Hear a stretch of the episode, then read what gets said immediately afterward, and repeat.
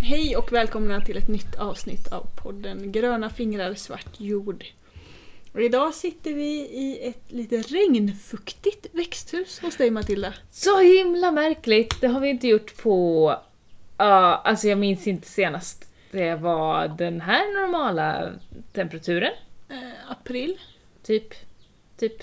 kanske. Det var, det var sommarvärme när vi var på klimatriksdagen. Ja, det var. Första helgen i maj. Det var det, så dess har det varit varmt. Men nu har det liksom eh, dalat lite. Blivit lite mer normalt. Det är så att det blir 20 grader och man tänker nej, jag måste ta på mig en jacka. Ja, det är ju så himla... Ja, man är, man är så bortskämd höll jag på att säga, fast det är vi ju inte. Eh, Men man är så van vid att det är hiskligt varmt, att allt som är normalt känns kallt. Ja, så lustigt. Ja, helt knäppt. Men i natt regnade det. Nu känns det som torkan är över. Det börjar komma lite regnskvättar, åskskurar då och då här. Mm. Inte mycket, men det kommer 2-3 millimeter då och då. Mm. Och det är så jävla skönt. Mm. Vi får hoppas att det kommer eh, jätte, jätte, jätte, jätte, jättemycket mer. Så, Ja. så att eh, det kan bli normalt. Det är ju fortfarande extremt hög brandrisk och jättetorrt egentligen. Så det Det är, är, bara ju inte liksom- så att no- några problem har löst sig. Nej. Men det känns lite bättre. Ja, det gör det. Man kan ju andas också. Mm. Bra grej Mycket bra grej. att kunna andas. Mm. Mm. Men vi, vi är ju helt inne på, på nästa år nu Mm. redan. Det här, det här poddavsnittet kommer handla om förberedelserna för nästa år. Så himla bra. Och så jävla långsiktigt. Ja. Alltså nu är vi så här tio månader i förväg. Ja. Åtta, nio. Ja. Vad händer nästa år? Eh, Något som behöver outas? Eller? Nej? Kanske? Du bestämmer. ja, ja, vi ska ha ett barn till. Men det kanske inte ens blir nästa år. Det kanske kan bli i år. Ja. Ja men borde det inte bli det? Eller har inte riktigt koll på det. Vi får se. Vi får se. Eh, det är på gränsen. Ja, Okej. Det blir som en julklapp. Förhoppningsvis inte, men Mm. kan bli. Ja, Ja, okej. Eh, så någon, gång, någon gång mellan eh, typ första advent och trettondagshelgen. Ja, ja, ja. Ja, men då, där i kring. Där i kring precis. Mm. Ehm, så kommer vi få ett till barn.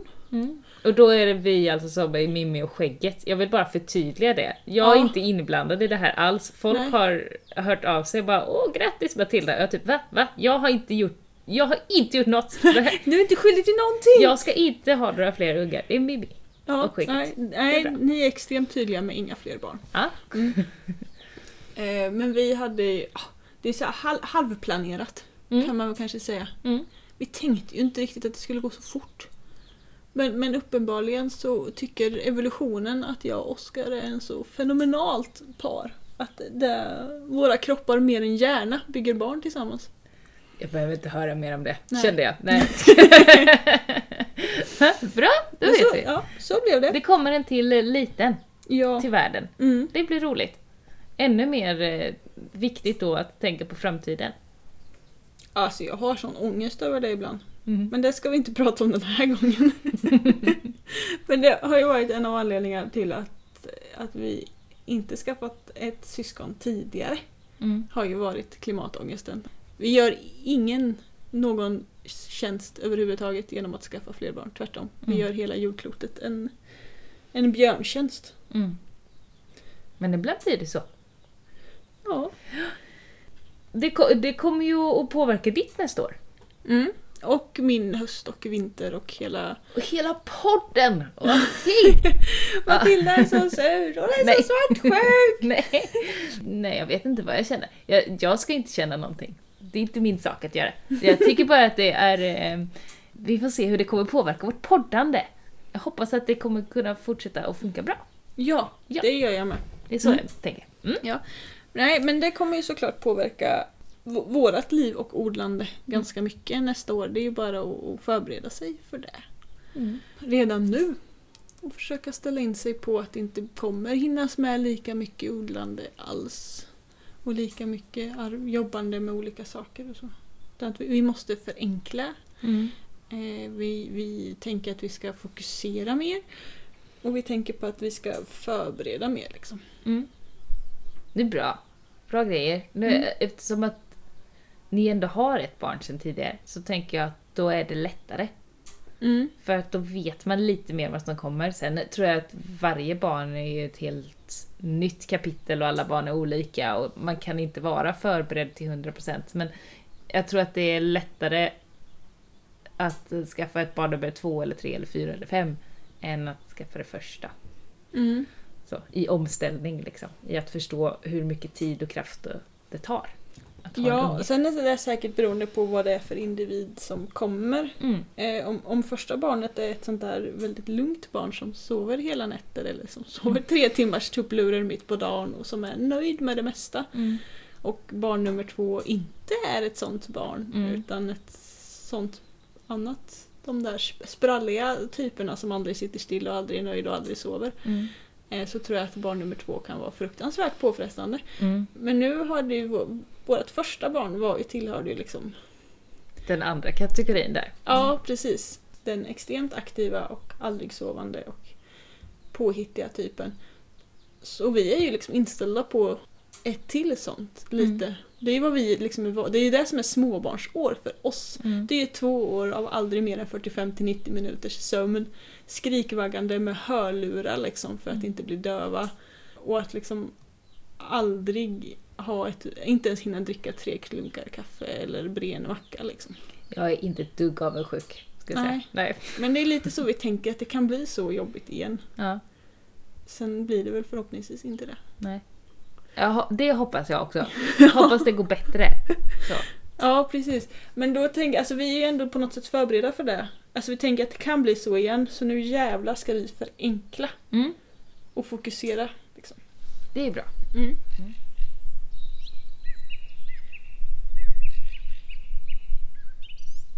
Hur, hur får du in det i odlandet? Vad är det du ska förenkla, fokusera, effektivisera, förbereda? Ja, precis. Jag har ju inte sått någonting nu. Alltså jag har ju inte liksom höstodlat eller liksom förberett någon form av odling inför hösten än. Mm. Eh, utan vi tänker ju redan nu liksom på nästa år. Mm. Så att vi, har, vi samlar material och börjar redan nu ösa det massor på bäddar. Mm. Alltså- Vad för material?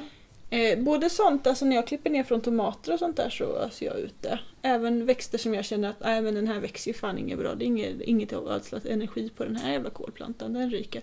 Så hivar jag ju den liksom på bäddarna. Eh, och då hivar jag liksom på en bädd i taget, så jag bygger upp en riktigt bra bädd i taget tänker jag. Just det, så hellre mycket material på en plats än lite utöver allting. Ja, jag Mm. river inte bara upp det av växt och lä- lägger det tillbaka där liksom, utan jag tänker att ja, men den här behöver vi, det här behöver vi jobba med, då öser vi allt där. Mm. Eh, och sen har vi varit hos grannen och hämtat hästskit och, och um, vi ska ringa en annan granne och fråga om vi kan få ännu mer hästskit och du vet. Mm. Samlar, öser. Typ. Mm. På. Pö om pö. Alltså jag, jag går redan nu och funderar lite så här. Kommer vi odla i den här bädden? Och vad kommer jag odla där? Mm, just det. Eller ska vi bara lägga den för träda nästa år? Och liksom satsa på de här istället? Och jag går liksom redan nu och jag vet ju inte ens vad jag ska odla nästa år. Mm. Så, så, så långt har jag inte kommit. Utan det är mest ändå att jag liksom kommer vi odla så mycket att jag kommer använda den här också? Och i sådana fall ungefär vad skulle jag kunna odla där? Eller ska vi lämna den där här? Mm.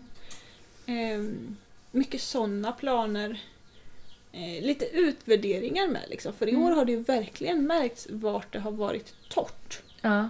Jätte, jättetydligt vilka områden i trädgården som är utsatta för riktig torka och vissa som är som typ överlever och vissa som ändå nästan växer. Mm. Eh, och då funderar jag på om de ytorna som är riktigt torra, ska vi ens ha kvar dem? Eller ska vi liksom flytta de bäddarna Mm. till de andra? Ja, just det. Ehm, sånt funderar jag på väldigt mycket just nu. Ja. Mm. Kommer du fram till någonting? Eller är det mest planer och tankar och grubblerier? Eh, just nu är det nog mest lite planer och tankar och lite sådär. ältandet har inletts, så Mm. kanske vi kan säga. Ja, så kan vi säga. Ah. Det är ju ändå bara början av augusti och jag tänker att det här är liksom en process som kommer fortgå ända till liksom november någon gång. Ja. Att jag, jag tänker att höst, hela hösten kommer ju ägnas åt att samla, alltså att mata jorden, att skapa mull, att täcka, täcka, täcka, täcka, täcka och samla material för att ha en backup att täcka med nästa år. Mm. Och varför, som vi snackar så mycket om att täcka jorden och lägga till mull och sånt, det är ju för att en jord med mycket mull, mycket organiskt material håller fukten bättre. Mm. Så att, eh, ja, då har ni lärt er det, om ni inte visste det innan. Inte bara för näringen, utan det är ju faktiskt för att vattensamlandets skull också. Ja, Mm. precis. Två i ett. Mm. Jättebra. Och att om man täcker jorden så avdunstar inte vattnet eh, lika mycket. Nej. Så bra grej med täckord. Mm.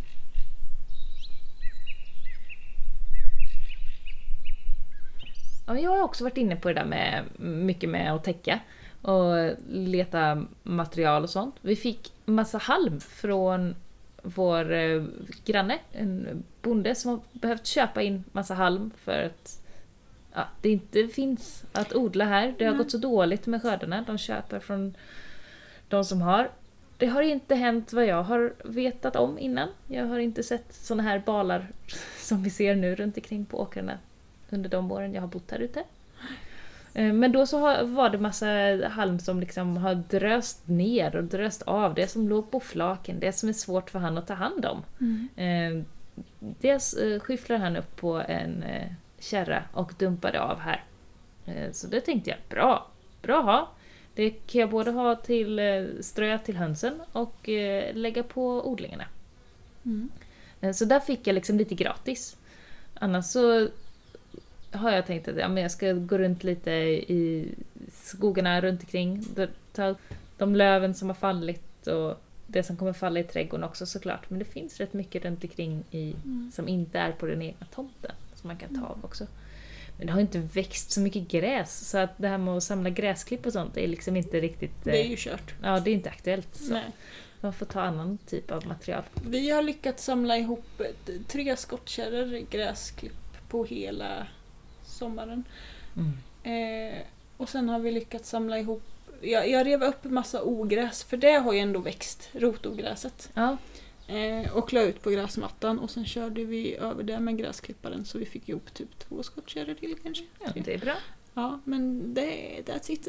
Ja, som, liksom, som har gått att få ihop i, i trädgårdarna i år. Mm. Mm. Ja. ja, det är svårt. Ja.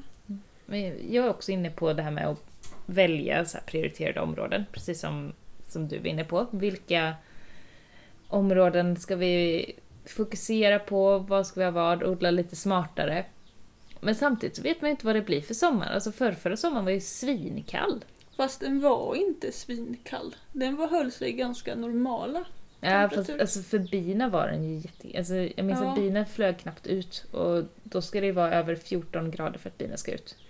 Så att den var kallare än vanligt. Var Ja, den. men det var ingen extrem sommar. Nej. nej, inte som den här nej. Nej, det var den verkligen Eller inte. det var, den var ju torr förra Ja. sommaren också. Det var den. Den var jättetorr. Eh, Så jag funderar lite på, men vad, det kan vi ju inte veta förrän då. Så här, ska det, är det verkligen det bästa nästa år att inte odla på de torraste platserna? Eller så kommer det regna jättemycket då och då kanske det är de torraste platserna som är mest väldränerade som vi vill odla på. Mm. Vet inte. Så jag har liksom inte räknat bort någonting eller inte, men jag har det i bakhuvudet att ja, men de olika platserna har visat sig mer i år vad de har för egenskaper. Mm. Och det kan vara bra att veta. Liksom. Jag ska vara ännu bättre på att täcka eh, jorden nu redan under hösten. För det var jag inte så bra på förra året.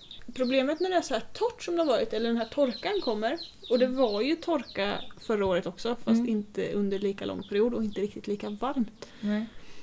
Eh, Det är ju att alla maskar och småkryp och sånt försvinner ju. De kryper ju ner till fuktigare lager och lägger sig i det och sådana saker. Mm. Och även om du täcker då så finns det ju inget som bryter ner ditt täckmaterial. Nej.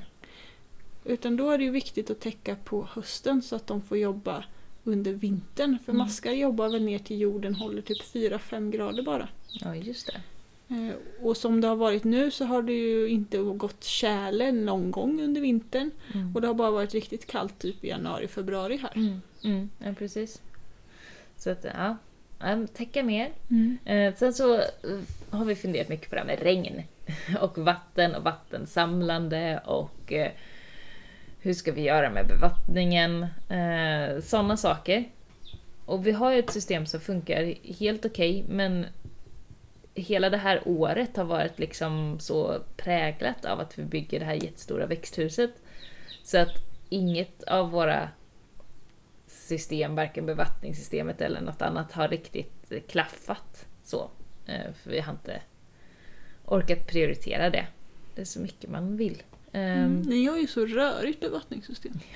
Det också. Tycker jag. Ja, ja men det är, det är lite invecklat. Men, men eh, det skulle vi kunna få till lite bättre för att vi har stora möjligheter att samla vatten och så. Och vi samlar ju av vårt dräneringsvatten. Allt det vattnet som dräneras som hamnar under det här stora växthuset har vi en pump under växthuset som samlar upp det så att det går till kubiktankar som vi sen kan använda för att vattna med. Vi har ett ganska slutet system inne i växthuset. Eh, ja, det har vi. Det Mm. har vi. Eh, så att det skulle vi kunna liksom göra lite mer smidigt. Och det kommer vi göra, men det har liksom inte varit prioritet ett. Så vi kommer jobba med det vi har och liksom förbättra det. Vi kommer inte göra massa nytt så eh, med våra bevattningssystem. Det svåra är ju nu att det inte har funnits vatten. Det inte har kommit något regn. Och hur förbereder man sig för det liksom? Eh, Det gäller ju att börja samla tidigt. Mm. Det är ingen idé att liksom stressjaga kubiktankar i juni utan de måste sitta på plats i mars Ja. till exempel. När Och så- snösmältningen kommer är ju den bästa tiden att samla. Precis. Och sen så har vi ju ändå den möjligheten att ja, men då kan Jon låna tankbilen och fylla på vatten hemma hos oss. Så får Mm. vi betala för det. Mm. Men att då måste vi ha många tankar så det är värt att fylla. Nu har vi sju stycken kubiktankar. Mm. Jag tror det får plats nio kubik i brandbilen. Mm. Så då är det ju värt. Har man bara en tank så är det kanske onödigt att låta Ja. brandkåren åka ut och fylla på den. Ja, faktiskt. Så, men eh, nu när det var helt tomt eh, för någon månad sedan så var han ute och fyllde på alla och då kan vi vattna ett tag till. Mm. Ja. Så att, eh, tänk att den möjligheten finns också. Liksom.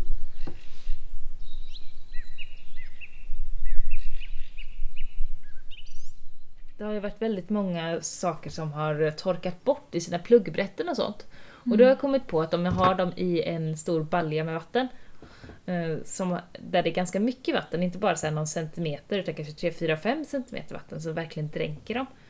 Då funkar det ju bättre. Så att jag ska skaffa fler sådana stora kärl.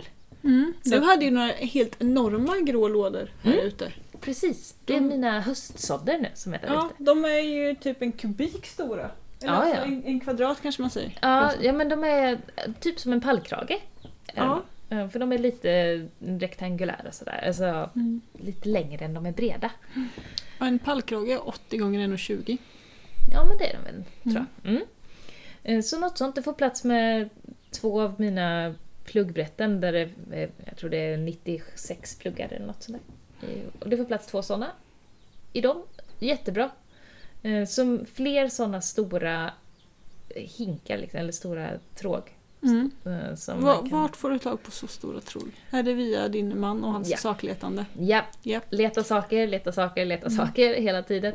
Jag tror att det där var för någon, eh, någon som jobbar på Industri. något industri och Ja. de skulle byta ut sitt hyllsystem. Och så Mm. fick vi jättemycket hyllor, jättemycket lådor och sånt. Mm. Gäller att vara där, gäller att känna folk. Mm. Stora kar, liksom. Mm. Borde ju gå med badkar och sånt där också om man får tag på. Ja, ja absolut. Så.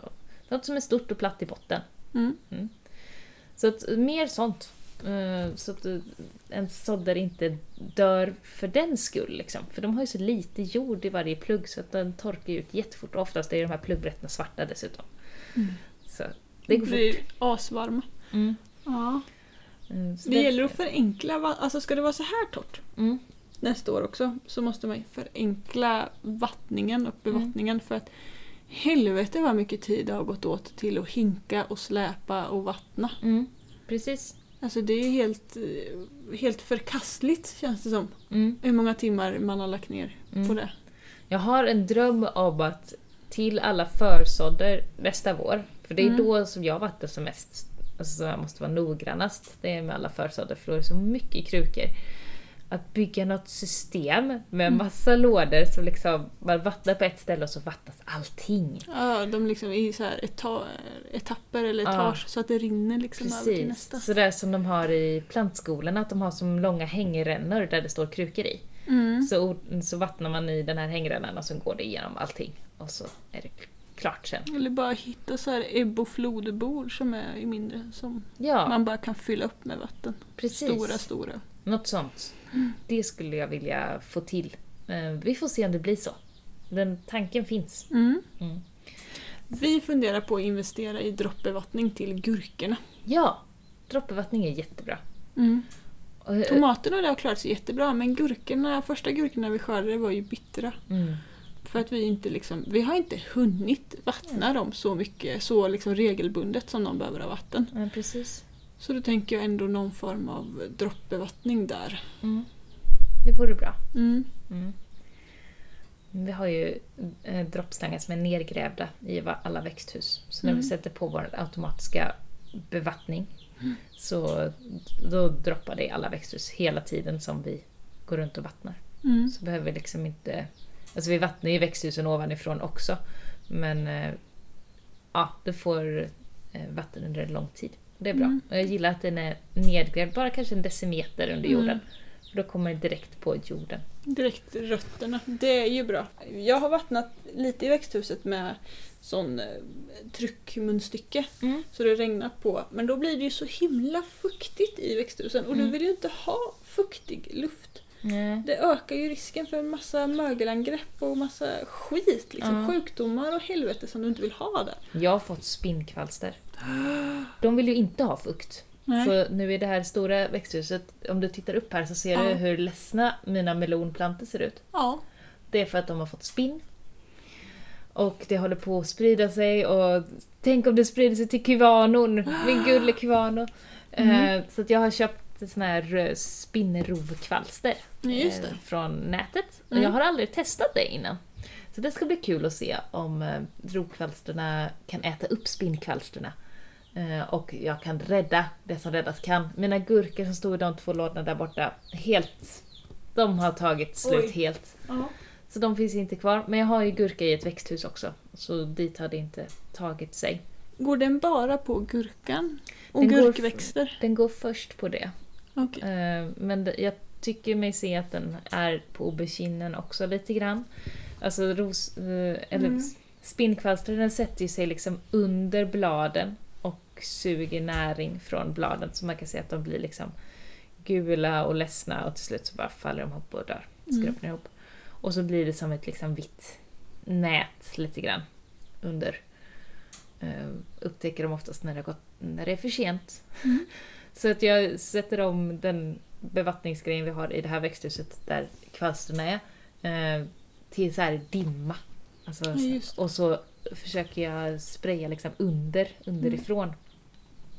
Så att det hamnar på de här bladen för de gillar ju att vara på undersidan som sagt. Ah, det är en sån. Ett, ett epic fail. Mm. Det var ju det som tog mina gurkplantor i, eh, i våras också. Min tidiga gurka får också Ja, spinna. Just det. Mm. Så jag har haft otur med spinn och gurka i år. Mm. Är de sådana som de kan överleva Mm. De, länge liksom? ja, de överlever ju jorden. De övervintrar. Mm. så Så, det därför- kan vara från vårens spinnkvalster som är på de här spinnkvalsterna? Kan vara. Så att jag tänkte att nej men, nu är det bara att bekämpa. Jag kan liksom inte bara tänka att den här, ja ja, det blev så nu, Mm. dumt. För att Nu det ska här, de dö! Ja, jag ska åtminstone ge dem ett, ett motstånd. Mm. Det är bra. Inte bara ge. Aldrig ge sig utan kamp. Mm.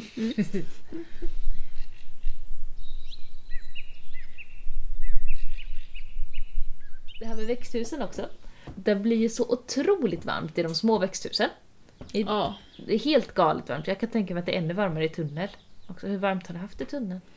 Det är ju inte jätteovanligt med att det är typ 40 grader i där termometern ligger. Men sen är det ju svalare nere vid, vid jorden och, och sen Mm. rör, alltså det har ju stått vidöppet. Ja.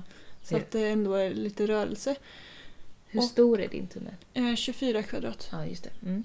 Och än har jag inte märkt av att någon eh, alltså fruktsättning eller något har tagit skada. Nej. Tack och lov. Mm. Vi har ju haft, alltså de termometrarna vi har i växthusen har ju stått i topp och den går ju upp till 50 grader. Mm. eh, i något av de små när jag Mm. varit ute och kollat. Och det är helt galet. Så varmt kan det inte vara. Det mår ju ingen bra av. Nej. Så, så då har jag funderat på hur kan jag göra så att de här växthusen inte blir så varma. Och jag har haft dörrarna öppna hela tiden, både dag som natt hela sommaren. Och det är såna här luckor i taken som öppnas automatiskt och så. De öppnas ju inte jättemycket, man kanske skulle kunna ha fler luckor Mm. eh, och göra en sån grej. Men luften står ju ändå ganska still. Så det jag har tänkt är att det skulle ju vara coolt om man kunde ha en fläkt som gick på solceller. Just det, så Eller det blir rörelse. Mm. Ja, för jag har ju inte ström ut till någon av... Eller jo, till ett av växthusen har jag ju ström. Till Ja. stora växthuset. Ja, för ni har ju bara, ni har ju alla dörrar på gavlar i stort sett. Ja, det har vi. Men ni har ju ingen fönster eller lucka på motstående gavel så det kan bli Nej. korsdrag. Nej, precis. Det har ju jag och det har ju varit en jättefördel. Ja. Med både liksom kunna öppna både gavlarna och Mm. en lucka mitt i taket. Ja.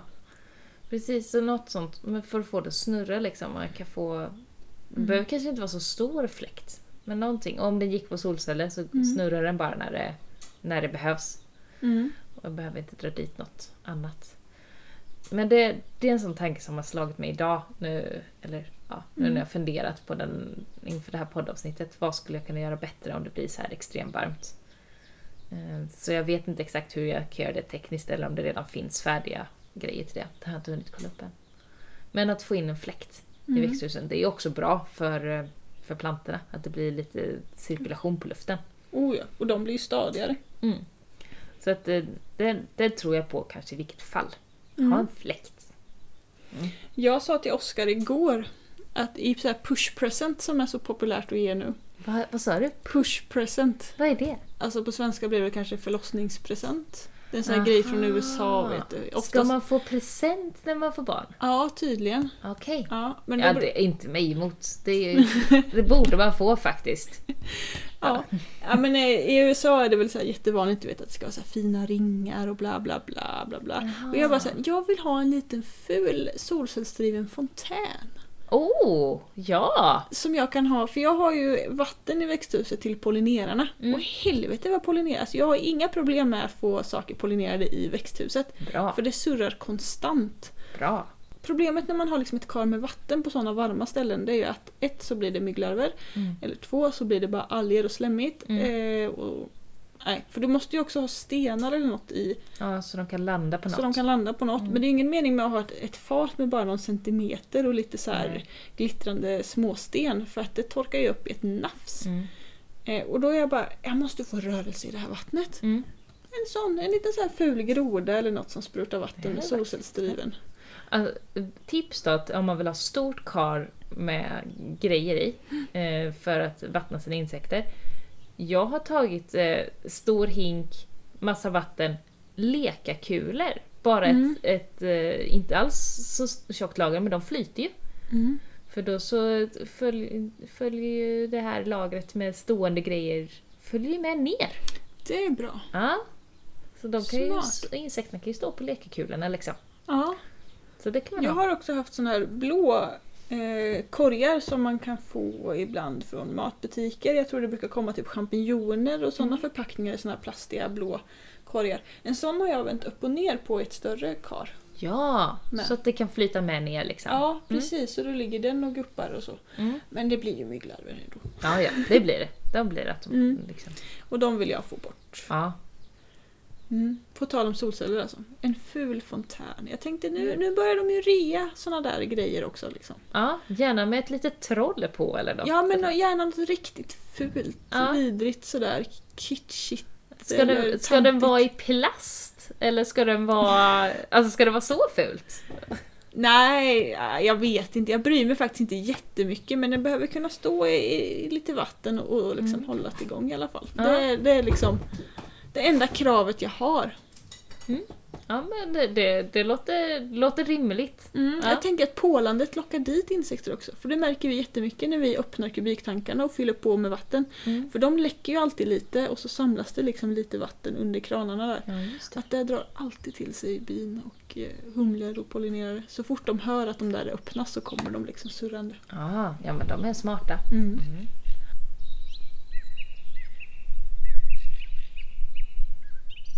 En annan grej som vi har gjort för att förenkla vattnandet, nu när vi är inne på vatten igen, Mm. jävligt mycket snack om vatten. Mm. Det är att vi har jagat fatt på ett vagnsrede till våra kubiktankar. Ja, vi har ju två kubiktankar som står vid grannens laggård och samlar vatten jättefort. Det är en Mm. stor jävla laggård så Mm. de där tankarna fylls ju på ingen tid alls. Mm. fort, I stort sett. Men problemet som vi har haft är att flytta vattnet de 100 meterna från den laggården hem till oss. just det. Eh, när vi inte har någon traktor som är stark nog för att liksom flytta ett ton vatten. En full kubiktank. Mm. Mm. Men nu har vi jagat fatt på ett vagnsunderrede. Så vi kan ställa två kubiktankar på som vi då kan ha bort hos oss. Och sen kan vi koppla den. Det här är så bra för att både traktorn och bilen har ju dragkrok. Så när de är tomma kan vi köra bort det med bilen och pumpa över vattnet. Och sen kan grannen komma med traktorn när han har tid och köra tillbaka två fulla kubiktankar till oss. Just det. Vagnsunderredet, det är alltså så här... Ja men hjul och ett... Det är ett, Ett- släp typ. Ett stålskelett med hjul i stort sett. Ja, Mm. Vi fick tag på en gammal hästkärra.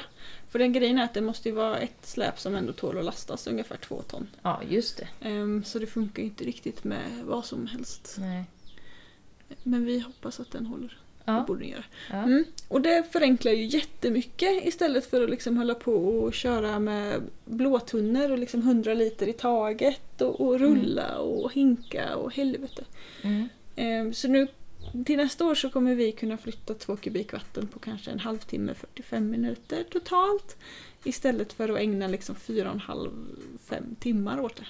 Det är ju perfekt. Ja, Så det schysst. känns så jävla skönt. Ja.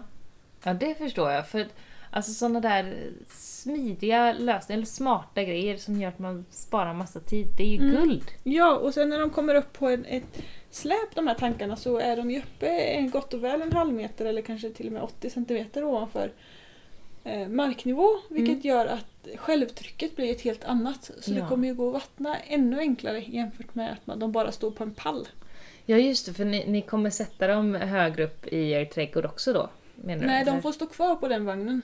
Ja, just det. Det är onödigt att flytta bort dem från vagnen. Ja, de får, vi kommer alltid ha två tankar stående på vagnen som vi bara liksom kan rulla där vi behöver ha. Ställa dem där vi behöver ha dem. Schysst. Mm. Ja, så himla bra. Det är ju jättesmidigt ju. Ja. Ja. Tips. Mm. Ja. Eller ja, tips. Det är ganska vanligt. Men det kan vara svårt att få tag på vagnsunderreden ja, det kanske det för en eh, rimlig peng. Mm. Ja, men vad bra. Då har du liksom eh, en del grejer att göra. Ja, men vattnet inför nästa år känns... Eh, där har vi koll nu känns det som. Nu är vi, det är lugnt liksom.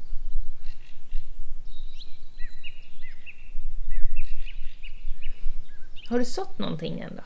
Du har inte sått någonting nu. Nej, vi har inte petat ner ett frö i marken sedan typ april.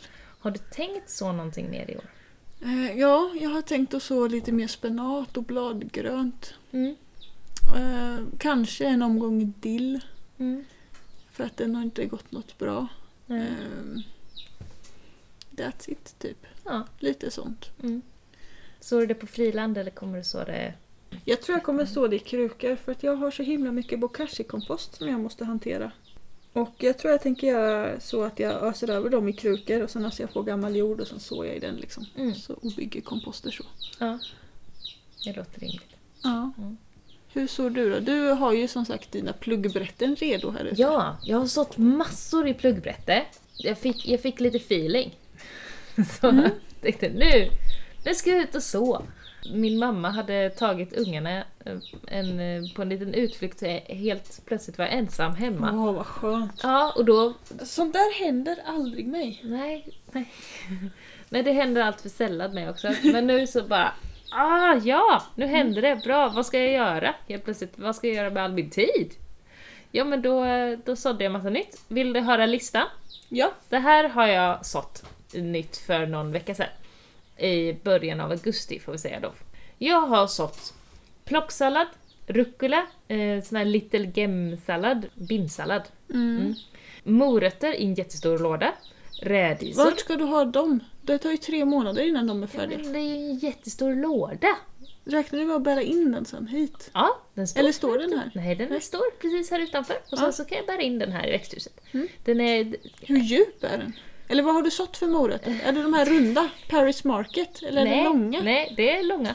Jag gjorde så förra året också, sådde, fast då sådde jag i rätt så höga krukor. Nu visar jag här att de kanske är en 30 centimeter. Mm. Och det blir ju inga, det blir ju inga liksom tjockismorötter, men de blir ju tjocka som, ett, som en tumme i alla fall. Mm. Så det blir lite grann. Det är kul. Mm. Eh, Så det har jag gjort nu i en stor, i en stor eh, låda. Eh, så rädisor också i en sån stor låda som jag tänkte flytta in. Sen har jag sått spetskål, broccoli, savoykål, spenat, mangold, tatsoi. Eh, Har du tänkt att övervintra dem? Eh, jag övervintrar eller plantera in i växthus. Så att de kan stå här inne i Efter växthuset. tomaterna? Efter sen då tomaterna, ja. Så det är planen. Jag har inte tänkt att det ska vara på friland de här alltså, Kål... eh, kolgrenarna, utan det ska vara inne i växthuset och övervintras eller skördas väldigt sent inne.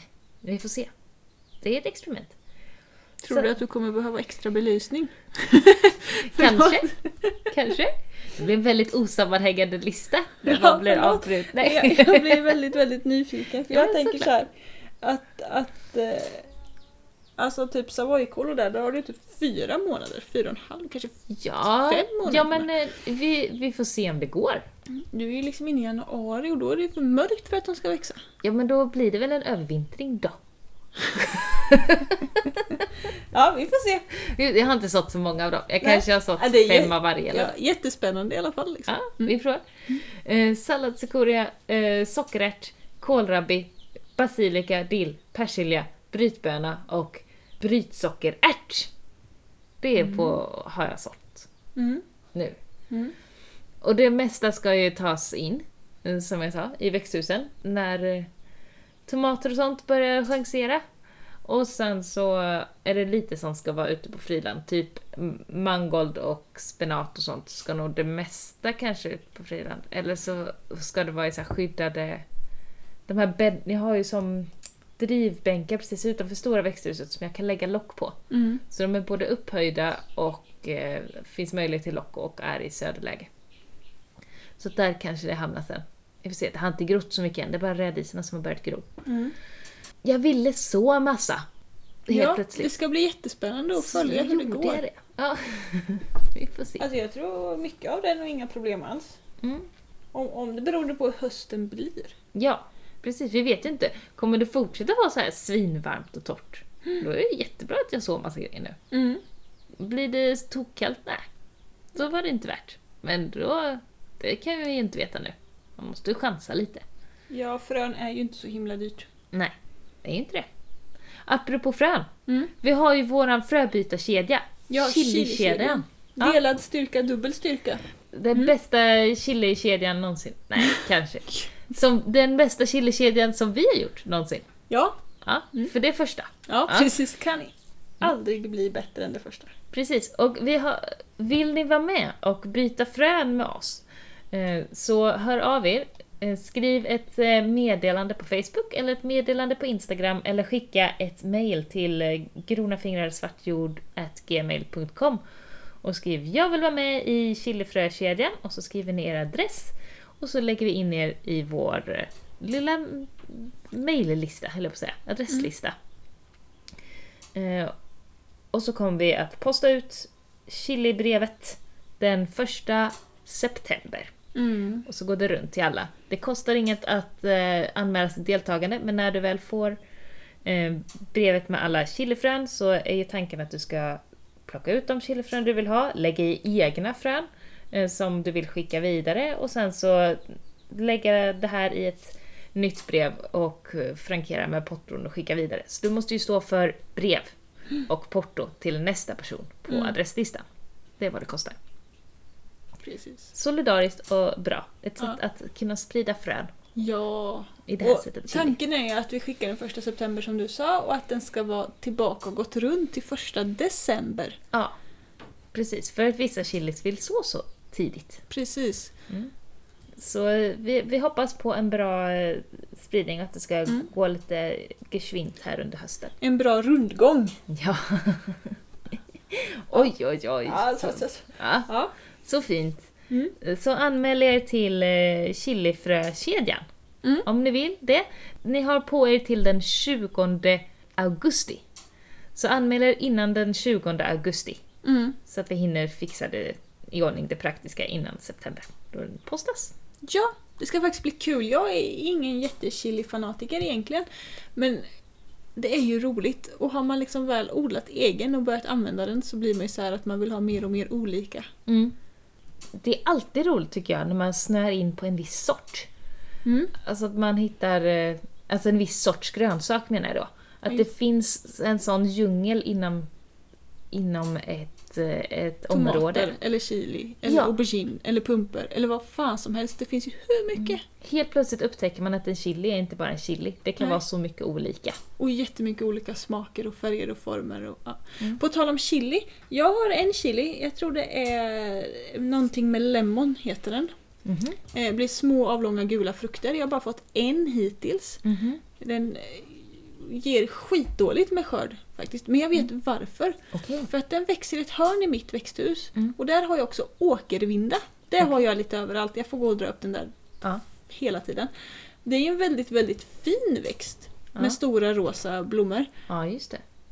Men den klättrar ju och kväver och sprider sig lik ett helvete. Ja.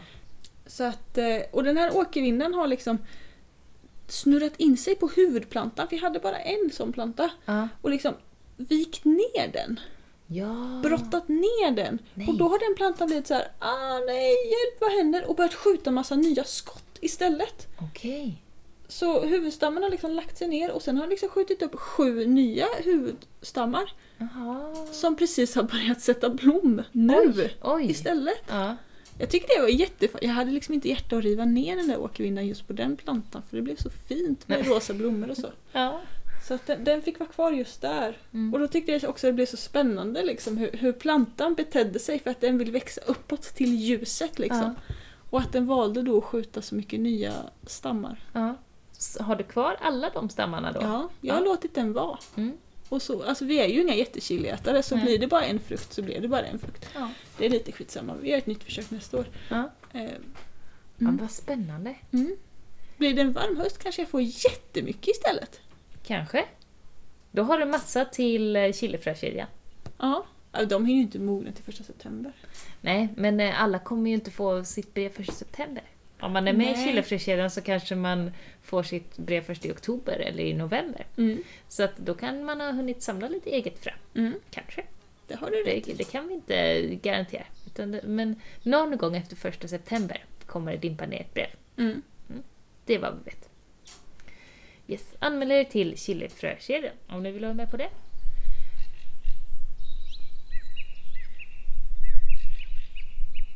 En annan rolig sak som jag har gjort nu för att utnyttja torka, höll jag på att säga, Ja.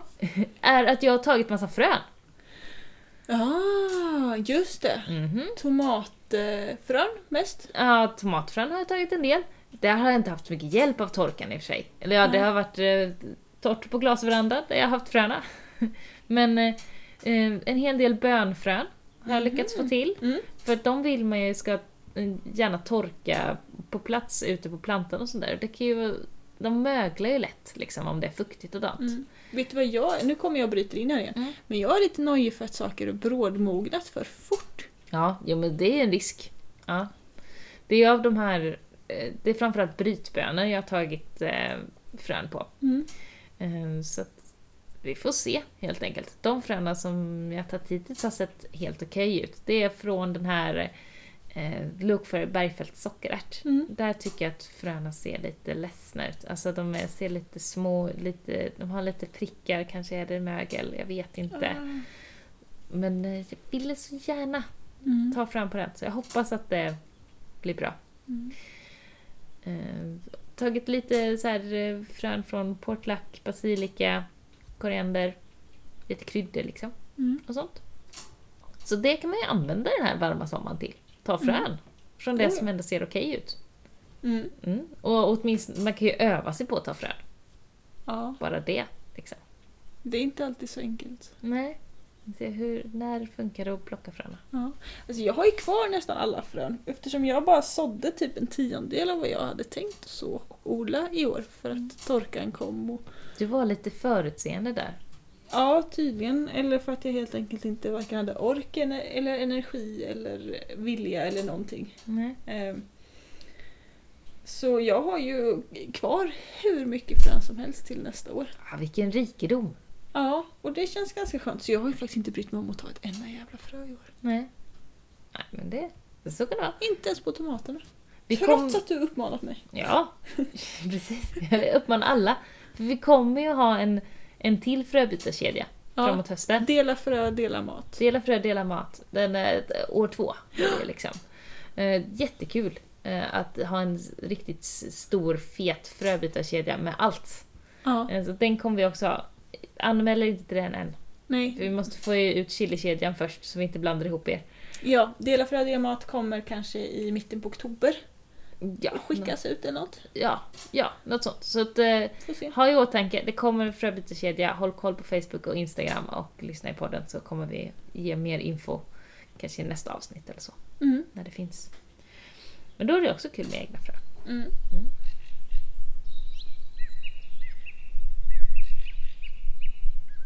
Hur ska man göra nu då för att det här liksom...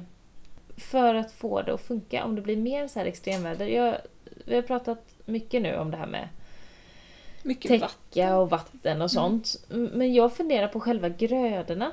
Mm. Om man ska liksom fundera kring det. Om man ska, jag har varit inne på att här, men jag kanske måste börja satsa mer på att odla liksom på vår och höst och det inte är så här tokvarmt. Utan Mm. jobba mer med säsongerna intill.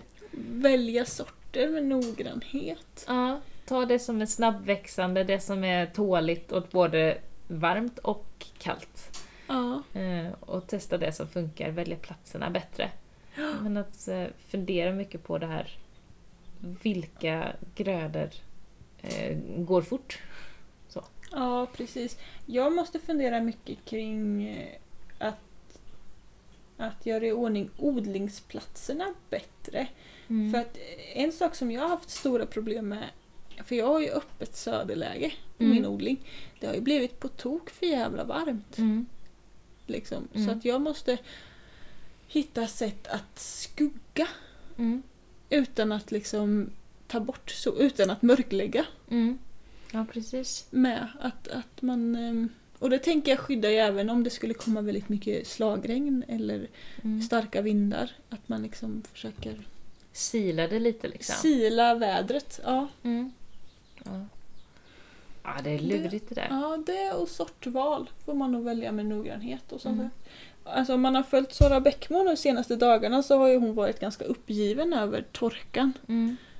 Ehm, Hon har klippt ner alla sina sommarblommor. Ja, precis. Och hon har ställt in någon stor reportagegrej för att det inte finns något att fota i trädgården. Liksom. Det är inte fint, det är bara liksom för överlevnad. Ja. Jag funderar faktiskt på att ställa in min tomatprovning. Ja. Eh, Daylily-potager. Mm. Ehm, Hon på Boäng. ja, precis. Mm. Hon har ju ställt in sina trädgårdsvisningar Mm. för hela sommaren för att det inte har funkat. Och så. Mm. Det man vill liksom inte visa upp hur trädet ser ut. Samtidigt så är det också en bild som... Måste visas så att Ja. folk fattar. Precis. Och jag tror att de flesta har förståelse för det också. Ja, Att det här, Precis. vi kan inte hjälpa det här. Så nej, precis. Vi gör så gott vi kan. Ja. Hon, Bäckmo har ju liksom dippat över sommarodlingen och tänkt eller pratat om att eh, liksom, vinter och höstodlingen är det som känns inspirerande. Mm. Helt plötsligt. Mm. För att sommaren blir ju bara skit. Mm. år efter år efter år typ. Ja. Så är det något som inte funkar sommartid utan Ja. att det är bättre att liksom Ta en annan årstid. Ja men lägga huvudfokuset på att fylla frys och kyl med, med sånt som kan växa då. Mm. Ja, för det är också en sån grej som jag skrivit upp här på min lista. att Jätteviktigt nu att inte tappa glädjen. Nej. Att, in, att ändå fortsätta odla och eh, försöka och ja, men inte bara tycka att allting var trist och tråkigt och så ger man upp. Nej. Det, Det, måste fortfarande vara kul. Liksom.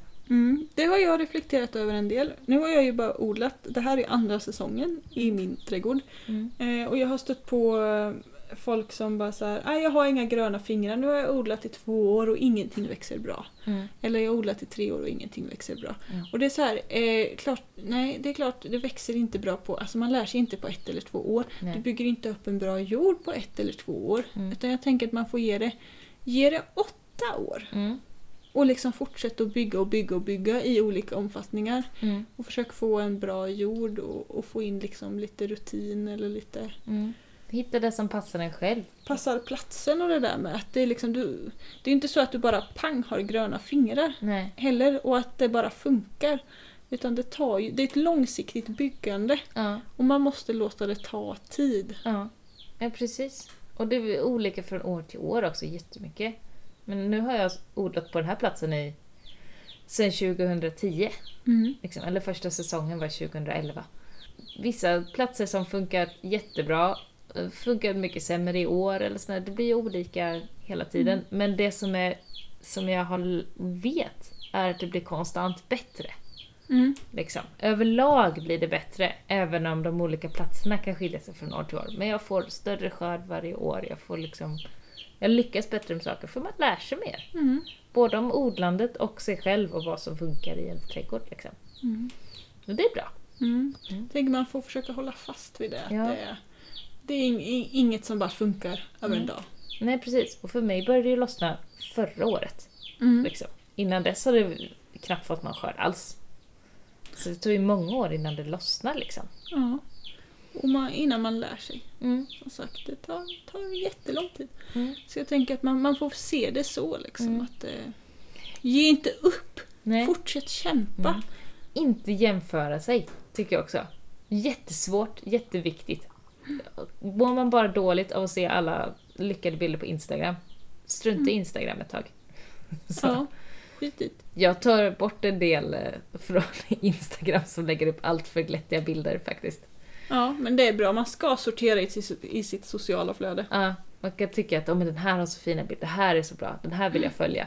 Och sen så efter ett tag bara, nej, nu, jag känner, jag blir bara arg nu när jag ser det här hela tiden. Det här är för perfekt. Jag Mm. gillar inte det.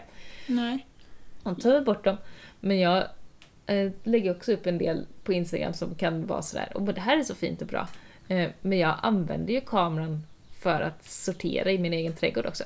Att när allting ser ut som skit i mina ögon så går jag ut med kameran och kan liksom då beskära bort allting som är visset fult och tråkigt och bara hitta den här den enda pumpan som lever. Liksom. Mm.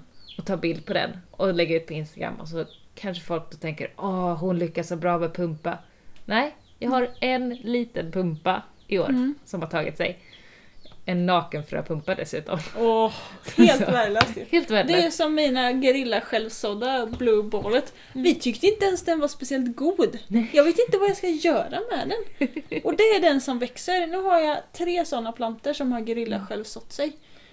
Och då så blir det att då lägger du upp en poserad med ätbart bild med Blue Ballet och folk bara åh vad häftigt. Och du egentligen bara fan ta Blue Ballet pumpa. Ja, Så, så man ska inte lita på bilderna. Men det kan vara ett sätt också att eh, bli glad själv. Mm. Men jag tycker också så här att har folk lagt upp en bild med en längre text, försök att ta er tid att läsa texten Mm. innan ni reagerar. Mm. Och innan ni alla, eller så här, man kan ju alltid scrolla förbi, man behöver inte läsa alla texter. Mm. Men innan man liksom gör någon grej av det, Mm. liksom, så läs texterna. För ofta kan det vara så här typ, åh kolla den här fina tomaten, men det här och det här har gått åt skit. Så får man ofta Mm. en lite mer sannings... Mm. bild kanske. Det är bra. Mm. Mm. Ja. Kul att ta bilder på det man har odlat. Mm. Får se hur mycket hönsbilder det blir hos dig framöver. Ja, vi får se. Alltså jag har lagt ut ett par bilder på kycklingarna, men hittills får de inte så många likes. Nu har kycklingarna börjat bli sådär eh, lite tonårsfjuniga också, där de inte är lika gulliga. Nej, just det. De är gulliga när de är allra minst sådär små Ja. bollarna. Och sen så, Så är de ju gulligast på våren på något sätt. Liksom. ja precis. Så det, det kommer nog. De här sju små kycklingarna. Och vi kommer nog kanske lägga i fler ägg i vår klickare. Ja. Se, det kanske blir fler. Vi ska Vi får se. ju minska våran hönsflock Ja. som en del i det här eh, förenkla, fokusera, förbereda. Mm. Vi har ju 25 höns ungefär nu. Eller 25 djur. Mm. Och eh, det är för många, tycker vi. Mm. Eh, Psykhönan ska flytta hit. Psykhönan, lilla gubben, ska få flytta. Hon kommer ju härifrån. Ja. Mm. Så hon ska få flytta tillbaka. Hon är ju en agromorsa utan dess like. Mm. Ehm, så att henne vill vi inte ha kvar. jag, vet, jag vet att folk tycker det är jättedumt för många är så här, ah, men det är väl jättebra med hönsmammor som vill försvara sina kycklingar och bla bla bla. Fast vi bara, vi vill inte ha hönsmammor som går till attack när barnen går in i hönshuset. Nej, det går inte. Så. Man måste ha schyssta höns. Ja. Så nu, ska jag, nu får vi se om jag får någon disciplin på henne. Ja, precis. Och hon kanske lugnar ner sig här. Eller... Kanske. Det kan behöva, ibland så behöver man bara lite förändring. Ja, och sen så kanske, vi har ju inte förlorat, jo vi har förlorat en kyckling. Mm. som bara har försvunnit. Mm. Men om den har blivit tagen av något eller om den bara förvillat bort sig eller fastnat eller vi vet inte. Den Nej, är borta. Ja. Eh, Så vi känner ju heller inget jättebehov av att ha några agrohöns som försvarar sina kycklingar. ja, Mm. precis. Så då känner vi att hon får flytta. Och Ja. lite fler höns kommer få flytta hit och så kommer vi få slakta en del. Sådana som är gamla, sjuka eller som har kalkben som vi inte lyckas behandla. Mm.